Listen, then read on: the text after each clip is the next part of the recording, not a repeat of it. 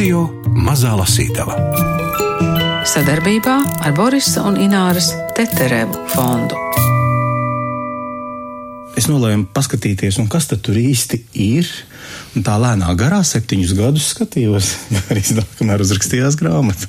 Par Oskaru Stroku nu jau zinām mazliet vairāk, jo Mihaila Čehova Rīgas Krievu teātrī joprojām skatāma izrāde tango Meždu Strok ar Jakovu Rafalsonu galvenajā lomā.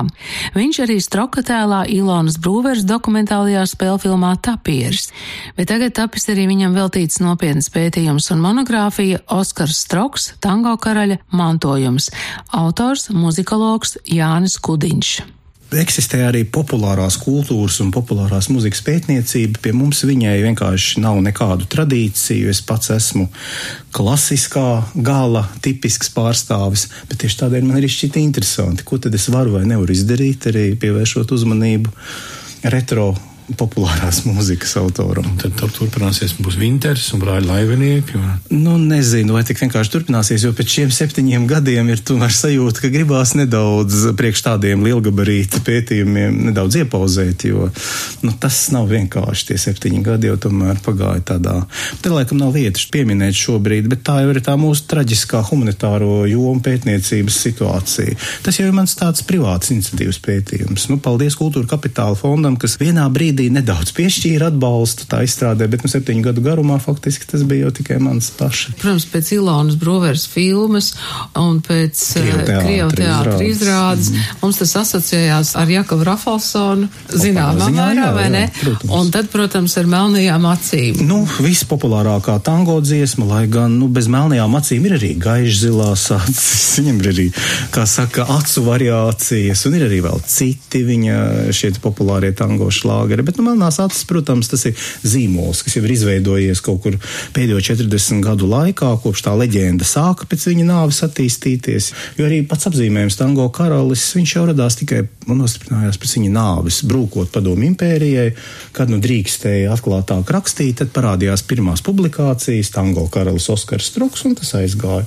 Tad tur nāca Remons Pauls, tur Krievijā ar to dziesmiņu, Krievalodā karalis atcer tango, un tad tas viss tā saslēdzās, un kulminācija akcija bija pirms sešiem gadiem, 2013. gadā, nu, kad jau Tērbatas ielā pie nama numur 50 atklāja to plāksni, nu, tad jau tas uzraksts Rīgas tango karalis, un tad tur teikt tā kā iecementējās un palika. Un atjaunoja viņu komponistu savienībā. Jā, jā 2008. gadā, jā. jā, jā. Pēc nāves es jūtu jūtīgi, protams. Jā, bet kā tas ir, kāpēc ar viņu saistās tik daudz leģendu un nesaprotam un nenoskaidrot faktu? Es saprotu, ka daļu jūs tur noskaidrojat. Mm -hmm. Bet kāpēc viņš ir tik noslēpumains? Politika nu, vainīga. Nē, politika vainīga būs vienmēr un pa daļai pie šādiem nu, spilgtu dažādu mākslas personību, jā, radošās darbības procesā. Bet nu, viņš pats ir nedaudz vainīgs, jo nu, visu mūžu, bet īpaši tas bija pirms otrā pasaules kara reklāmas nolūkos, viņš arī daudz ko par sevi publiski stāstīja, kaut ko piedomājot klāt, bet nu, tā jau tas notiek, laikam, cilvēkiem atmiņā. Viņš to pastāst un pats aizmirst, bet tie cilvēki to patur prātā. Un tad tā lavīna, jā, tāda, tāda daļai izdomājuma tā kā veļās līdzi. Nu, un tad tā kā pēc otrā pasaules kara viņš tā kā nonāca neoficiāli neoficiāli, bet faktiski tāda nevēlamā komponista statusā, publiski tā laika, teiksim, padomi raidorganizācijās, protams, viņa muzika nedrīkstēja skanēt, viņa skanēja tikai klubos un restorānos, un nebija nekur nekādas informācijas par viņu. Nu, tad, protams, tie pirms izdomājumi apauga ar jauniem izdomājumiem, kad daudziem nebija vispār skaidrs, vai viņš vispār dzīvo padomju savienībā, vai viņš vispār nav Argentīnas komponists, un tā tālāk un tā joprojām. Un tā tas līdz, gāja faktiski līdz 21. gadsimta sākumam. Nu, pa lielai daļai savā grāmatā vienkārši man šķiet ļoti interesanti šķetināt to jautājumu, kur tad tajā visā uh, leģendā ir tā patiesība, jo tur ir kas patiesība, un kur ir tomēr tie interesantie uzslāņojumi. Kur jūs meklējāt? informāciju, jo ik pa laikam jums ir, protams, atsaucas, un tad atkal ir, piemēram, mm -hmm. rakstīts, tur, es nezinu, autors nezināms, vai nav dokumenta, vai. vai... Mm -hmm.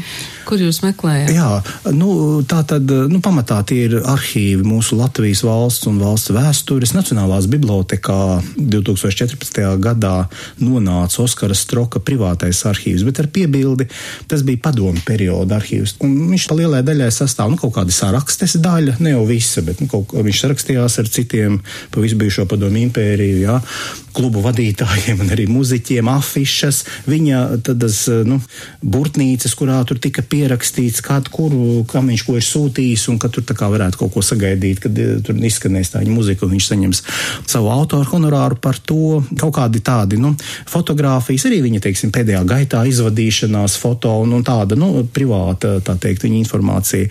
Nu, un tad arī Sanktpēterburgā konservatorijas arhīvā.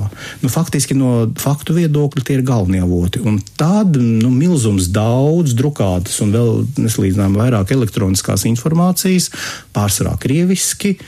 Nu, mazāk latviešu, kaut kas nedaudz angliski varbūt parādās, nu, kurā var redzēt, kā no avota uz avotu vienkārši atkārto vienu un to pašu, bieži vien arī visādus izdomājumus, vienkārši atkārto un atkārto. Un, ja mūs ietver tāds elektroniskas informācijas tīmeklis apkārt, tad jau liela daļa cilvēku vienkārši to izlasa un domā, nu, tā jau laikam ir, kā tur ir rakstīts. Tā geogrāfija sākas Daugavpilī, jeb tolaik Dinaburgā, jā? Ja? Oskars Stroks piedzima Dinaburgā kad šis nosaukums pilsētai bija pēdējās dienas. Pēc vecā jūlija kalendāra tas bija 1892. gada 24. decembris, pēc jaunā kalendāra tātad sanāk 93. gada 6. janvāris, un tieši tajā gadu mijā mainījās toreizējā Krievijas cara imperatora Eh, rīkojumā eh, šīs pilsētas nosaukums no vāciskās Dinaburgas uz krievisko Dvīnsku. Viņš tā kā piedzimtais tādā brīdī, kad tas viss mainās. Te arī rakstīts, ir Dinaburgas šķērstvīrt. Jā, to es tāpēc arī Dvīnsku. konkrēti ievēroju savā grāmatā, jo man šķita, ka tas tā būtu vairāk patiesi, jo viņš tā kā uz robežas situācijas piedzima. Tas nozīmē, ka teātrī vairākās izrādēs regulāri piedalījās orķestris, kuras sastāvā acīm redzot spēlēja arī Dāvids Stroks, viņa tēvs. Tēvs, jā. Nevar izslēgt, ka atsevišķos gadījumos, ievērojot armijā gūto daudzveidīgo muzicēšanas pieredzi, Stroks seniors publikas priekšā stājās arī diriģenta amplitūdā. Un varbūt mazais Ošers Oskars. Bet Ošers ir. Viņa īsts vārds, īstais jā. vārds, tas ir nu, ebreju vārds, adaptēts no ivrita, idišā, kas tulkojumā nozīmē laimīte. Kad tad viņš bija pieaudzis, viņš konsekventi bija izvēlējies pats sevi saukt par Oskaru. Bet vecāk dotais vārds Gašers. Ošers. Un varbūt mazais Ošers pateicoties tēva darbam, šādā veidā jau diezgan agri iepazina teātra un skatuves dzīves valdzinājumu. Iepazina dziesmas žanra stilistisko daudzveidību konkrētajā krievu kultūras kontekstā. Dinaburgas Dvinskas pirmā teātra uzplaukuma laiku, kas saistās ar Hāgelstromu darbību, mazais Ošers gan nepiedzīvoja.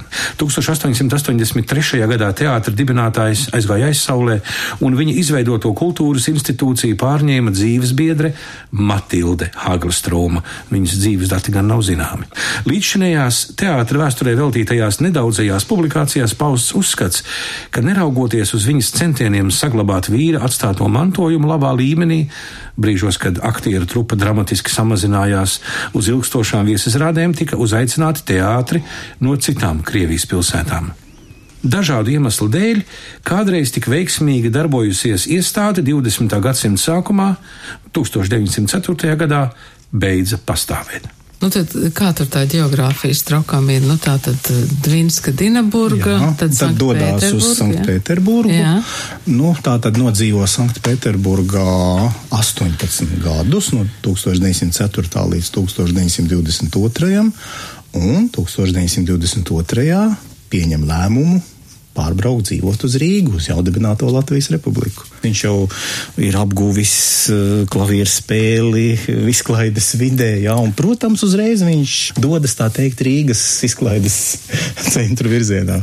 Tātad Rīgas izklaides vietās Tas ir nakts klubā Trocadero 1922. gadā, Oto Švārca restorānā 1923. gadā, Sadraudzības biedrības kultūra klubā no 28. līdz 29. gadam, Nakts klubā Villa Nova 1929. gadā, Nakts klubā Vidzemes šosejā 85, 89, tagadējā brīvības gatavē 165, 167 ir bijis nakts klubs. Naktsklubā Maskote Valdemāra ielā 21, restorānā Foxtrot Dīle Valdemāra ielā 27, 29, restorānā Lido 1931. gadā, Rīgas jūrmalā robežu ielā 2, 33. un 35. gadā, Dansinga kabarē naktslokālā Alhambra, Brīvības ielā 25. Kafejnīcā Randevu Rīgas jūrmalā Jomas ielā 28, Buldura viesnīcā Rīgas jūrmalā Lielajā prospektā 47, 49, kafejnīcā Rokoko, Elizabetes ielā 51, kafejnīcā Luna, to mēs zinām, kur ir, un Baumaņa restorānā kafejnīcā Krišāņa Barona ielā 31. Lūk, izklaides vietas. Čā. Tas Un ir viņš tur visur spēlē? A, protams. Nu, bet ir tie jāsaprot, nu, kaut kur jau līdzīgi arī mūsdienām. Nu, viņš paspēlē vienā, nu, tad viņu uzaicina uz citu, un viņš atkal atgriežas kādu laiku, atkal iepriekšējā, pēc tam atkal uz nākamo, un tā viņi tur visi migrē nepārtraukti. notiek tas pats. Tieši tā. Kas bija šīs izklaides vietas Latvijas galvaspilsētas ikdienā? Spriežot pēc tā laika Rīgas glancēto žurnālu un citu, galvenokārt zeltainās sensāciju preses izdevumu, piemēram, elegantā dzīve, aizkulises un citu, atrodamajiem sludinājumiem un smalko aprindu kronikām, tāda restorāni kā Otto Švarts, Lido, Luna un Rokoko izcēlās ar augsta līmeņa apkalpošanas kultūru, tā skaitā kvalificētu mūziķu priekšnesumiem. Visslavenākais nakts izklaides centrs, kas 20. un 30. gados iemūžināts arī vairākos literāros darbos, bija tūlīt pēc Pirmā pasaules kara iekārtotā Alhambra. Tā bija maksātspējīgās sabiedrības iecienīta satikšanās vieta, kurā dzīvā mūzika bija neatņemama deju zāles sastāvdaļa. Izdevumā Elegantā Rīga 1930. gadā reportāžā par dažāda veida izklaides iespējām naktsklubā Alhambra atrodam arī šāda norāde par Stroka mūziķa talantu. Orķestris ļoti labs un spēlē pēdējos šlāgerus, ko pats orķestra vadītājs atvedis no ārzemēm. Skaisti skan arī vibrafons, liela piekrišana tango melnās acis, bet par nožēlošanu maz tādu pāru, kas šo deju prot skaisti nodejot. Lai arī rakstā tas tieši nav pateikts, var nojaust, ka orķestrība ansambli tobrīd slavenajā naktsklubā vadīja Stroks. Interesanti, ka Stroka pirmā un līdz pat mūsdienām pazīstamākā tango dziesma Melnās acis raksturota kā no ārzemēm atvests šlāgeris. Acīm redzot, tādēļ, ka pirmo reizi izdots skaņu platē, tas bija Berlīnē. Vienlaikus jāatzīmē, ka Rīgas iecienītākie brīvā laika pavadīšanas izklaides objekti nemitīgi tika pieminēti dažādos izdevumos. Piemēram, tā laika laikraksts Nakts un Diena Naktsklubu Alhambra raksturoja šādi: Viss ir ierīkots uz elegantāko, jo šo vietu apmeklē gandrīz vienīgi lielie naudas vīri un iebraukušie ārzemnieki. Dzīve te iesākas tikai ap pusnakti, kad orķestris sāk tricināt graznās, mirdzošās pagraba velves un atklāja bāru. Alkoholiskie dzērieni te aizliegti, bet aizliegums ir vienīgi uz papīra. Te pludo šampanietis, vīns un liķieri aumaļām, kā jau pirmklasīgam lokālam pieklājas, te ir krietns bārdāmu korpus. Un papildus vēl šāda atsauksme par pazīstamo naktsklubu Villa Nova. Jā. Parasti te mēdz sarīkot slēgtus vakarus, uz kuriem tiek uzaicināti pazīstami viesi ar bieziem naudas makiem. Tādos vakaros no Rīgas tiek papildinām piegādāta arī skaistā prece. Lūk. nu, faktiski mēs varam paļauties pa lielai daļai tikai uz preses atsauksmēm, uz kaut kādu atsevišķu muziķu, nu, laika biedru atmiņām. Jā. Nu, tas jau ir tas galvenais mūsdienās, jo tādu ļoti nu, statistisku, dokumentālu pierādījumu. Nu, Nu, mūsdienās, acīm redzot, ir jāizpild kaut kādas autortiesību Jā. lapas. O, tas bija smags jautājums. Jo, Es taču lasīju, tur ir slēgtie vakari, bieziem naudas makiem Un un skaisto preci. Kādas un, autortiesības? un, un kādas atskaites par tiem, kas tur piedalījās, ja neviens nevēlas. Bet eh, pat pavisam nopietni par autortiesībām un māksliniekiem tas īstenībā ir ļoti smags jautājums, jo īstenībā jau Stroks 30. gadu sākumā bija viens no tiem, kas arī tā laika Krievu presē, gan vairāk Rīgā tika atspoguļots, kas iestājās pret nenormālo situāciju, jo tolaik jau neeksistēja kā mūsdienās, kad visi trīc un drēb vai, vai drīkstēja kafejnīcā tur spēlēt to muziku, licence ir vai nav, tolaik vispār nekā tāda nebija. Tā teikt, nu tāda tīri nenormēta lietošana, ko grib to lieto māksla, nu tāda fona mūzika un tam līdzīgi bija. Jā, jā, protams, viss tā. Un tikai trīs to gadu vidū, kad bija pieņemta tā Šveices konvencija, man liekas, par autoru tiesībām, tikai sāka pirms otrā pasaules kara tas sakārtoties. Nu, bet tad jau bija. Un tad atkal laika. vairs ne. Tad otrais jā. pasaules karš, un tad jau, nu, at, kas saka. Un tas, ka. Š... Ir vēl dzīves kāds, laikam vairs nav kāds mūziķis, kurš ar stroku ir kopā spēlējis. Nu, es domāju, ka nē, nu jau vairs nē. Jā. Nedomāju, pavisam, pavisam jauniņš muzikants. Nē, nu, es ļoti atvainos, varbūt es te pārteicos, jā, bet, nu, te jau mēs varam atcerēties mūsu Raimondu Paulu, kurš taču ir tajā leģendā, tajā stāstā mūžam pieminēts, nu, bet tie jau bija pēc otrā pasaules kara, ne tajos 30. gados, jā, ka viņi satikās un, un Stroks esot spēlējis, un, un tad klausies, kā Rēmons Pauls spēlē un viņu slavējis. Nu, vienmēr sakot, tad jau tomēr ir kāds, kas, jā. Jā, tiešām es. Bet arī tā ir leģenda, nu, pietiekami skaista, lai tā ticētu. nē, nē, nu, taisnība tur daļa ir, daļa ir izdoma, kaut kas jau tur noteikti laika gaitā ir piedomāts, bet, nu, kaut kāds tāds patiesības grauds ir. Bet var jau būt, ka tieši to autoru tiesību dēļ ik pa laikam tās leģendas tur notiek, ka tur nevar saprast, kurš tad ir autors. O jā, pirms otrā pasaules kara, kad neeksistēja stingrais autoru tiesību regulējums, tad, man liekas, visā Eiropā un arī, ja tā skatās Eiropa un Amerikas, jā, tur plūdu apusēji uz abām pusēm savstarpēji notis nemitīgi mm. un, un skaņu plaši izdevumi, kuros absolūti tur varēja kādā valstī viens autors iepatikušos meldiņu aranžēt un vienkārši, nu, viņa vārds tur uzrakstīts, pie tam tā ļoti miglāji, nevar jau saprast, viņš nav tieši uzrakstījis, ka viņš ir autors, bet, teiksim, tās skaņu plats ir tikai viņa vārds. Un, protams, nu, cilvēks vienkārši parastais paņem un pieņem, ja jau viņa vārds, tad viņš ir autors. Ja? Padomi laikos ir tā, ka stroks bija aizliegts, viņa notis nedrīkstēja izdot, nu kā aizliegts nebija jau nekur lēmums, bet nu, vienkārši viņš pēc tā otrā pasaules kara 48. gada lēmumu par uh, ideoloģisko tīrīšanu mūzikas druvā bija pasludināts par nepareizās mūzikas autoru, tas bija signāls, ka vienkārši nu, visi no viņa vairījās. Tāda notis neizdod, radio neskan, nu, televīzija vēlāk rodās, protams, arī tur nav cerība iekļūt, bet toties uh, klubos un restorānos visi spēlē un dzied. Tikai nu, tur tā leģenda atkal sākās ar to, ka ņemot vērā, ka spēlē un dzied, bet uh, viņa vārds arī bieži vien nav uzrādīts, tad arī daudziem cilvēkiem galīgi nebija skaidrs, kas ir tas, ko viņi dzird, eh, dejojot vai vienkārši sēžot un klausoties. 20. gadsimta 60. un 70. gadu mija bijušajā PSRS iezīmējās ar populārās retro mūzikas ar vien izteiktāku atgriešanos sabiedrības interešu lokā līdztekus oficiozajai, varas kultivētajai, politiskos lozungus un idejas sludinošajai tematikai, tolaik ar zināmu distanci un piesardzību atjaunojās arī kādreiz noliektā populārā mūzika un māksla. Stroka dziesmas pamazām atkal sāka atgriezties apritē. Stroka tuvinieku atmiņās īpaši ir stāsts par to, kā Vissavienības radioprogrammā Maskavā 1971. gadā regulāri sāk skanēt Stroka slavenais tango Melnās acis Japāņu dziedātāja Joichi Sugavāras izpildījumā. Ārzemju skaņu plats ierakstā. Pieteikts tas tika kā sens tango, autors nezināms. Un tikai tad, kad Strokadāls Jevģīnijas piezvanīja uz radio redakciju un informēja, ka vairākas reizes pārraidītās tango dziesmas autors gan ir zināms un dzīvo Rīgā, komponista vārds tika nosaukts radio ēterā. Kad radio raidījuma vadītājs dzēnieks Anatolijs Gorohovs iepazinās ar Stroku, viņš 1971. gadā PSRS valsts radio un televīzijas komitejas izdotajā žurnālā Kurugazor apvārsnis publicēja nelielu rakstu par komponistu, papildinot to ar tā saucamo plēvi, jeb mīkstās skaņu plates ielīmējumu, kurā bija ierakstītas divas stroka tango dziesmas - Melnās acis un zvaigžņotā laime, zvaigznais šķēsce.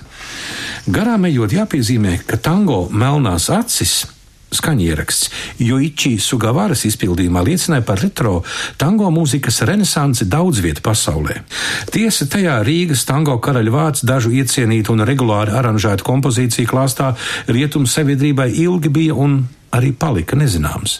Vēl, piemēram, 1959. gadā Londonā izdotajā skaņaplatē Melno acu aranžējumu spilgti izpildīja Stanlija Bleka deju orķestris. Tomēr mūzikas autora vārda vietā uz plates lasāma vien norāde tradicionāla melodija. Arī 1973. gadā Tokijā izdotajā tobrīd starptautiski plaši pazīstamā vācu mūziķa Alfreda Hausa vadītā tango orķestra ieskaņojumā Melno acu komponista vārdu velti meklēt. Tādi jautājumi, teiksim, kā Oskaras Roka populārāko tango dziesmu precīzi radīšanas, ja ne gadi, tad mēneši un vietas. Tā arī, protams, paliek neziņā tīts.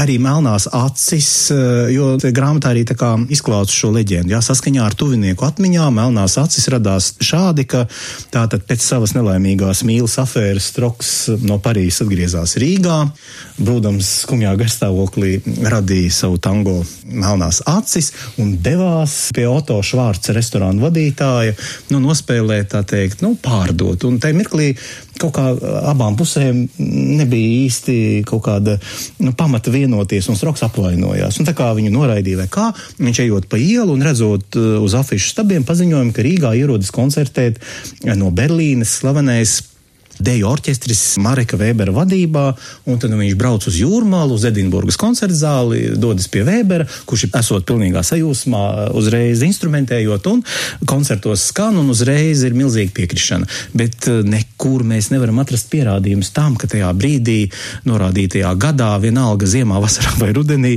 Rīgā vispār būtu bijis ieradies šis Mareka Vēbera orķestris. Toties ir zināms, ka Stroks drīzumā dodas uz Berlīni. Lūk, un visticamāk, tur viņš pats uzmeklē šo Mareku Weberu, un tur arī notika šis eh, aranžējums un skaņu plats ieraksts un izdevums, kas kļuva ļoti populārs. Ja? Tā kā, nu, tādā netiešā veidā mēs varam apmēram nojaust daudz ko, bet precīzi faktu ziņā mēs to mūsdienās vairs nezināsim. Bet, bet leģenda ir skaista. Ir vēl viena skaista sakritība Raimonda Paula un Oskara Stroka sakarā, tā kā šīs melnās acis Japāņu valodā iesāk to renesans, ja? Tad Raimonda Paula dāvāja Māriņai meitiņu mūžiņu arī Japāņu valodā jā, jā. ļoti bieži tiek atskaņots. Bet šeit jāatcerās, ka Raimons Pauls vienmēr ir ļoti, nu, ar lielu cieņu atsaucies par Oskaru Stroku. Tiešām ir bijuši radio raidījumi, kuros pats dzirdējis, kurā viņš pieminot Oskaru Stroku vienmēr norāda uz to kā tādu, nu, arī sev būtisku, tā teikt. Jāņa Kudiņa monogrāfiju Oskars Stroks tango karaļa mantojums izdevusi zinātne. Ar autoru tikās un fragmentus lasīja Gundars Āboliņš.